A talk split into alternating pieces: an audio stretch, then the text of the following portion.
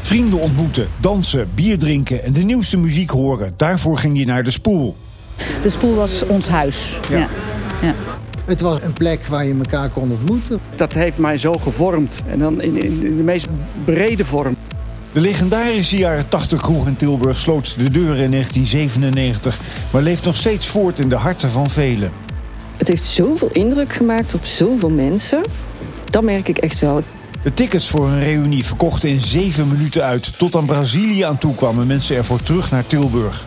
Zo, ik heb zelfs iemand gehad die zei van... ik loop elke dag in mijn pauze langs de spoel vanwege dat. Echt waar? Dat ik heel even, elke dag. Ja, dat vond ik wel heel bijzonder. Dus dat, het heeft echt wel mensen... Mooi, maar wat, wat voor emotie zou er dan achter zitten? Ik denk verbinding.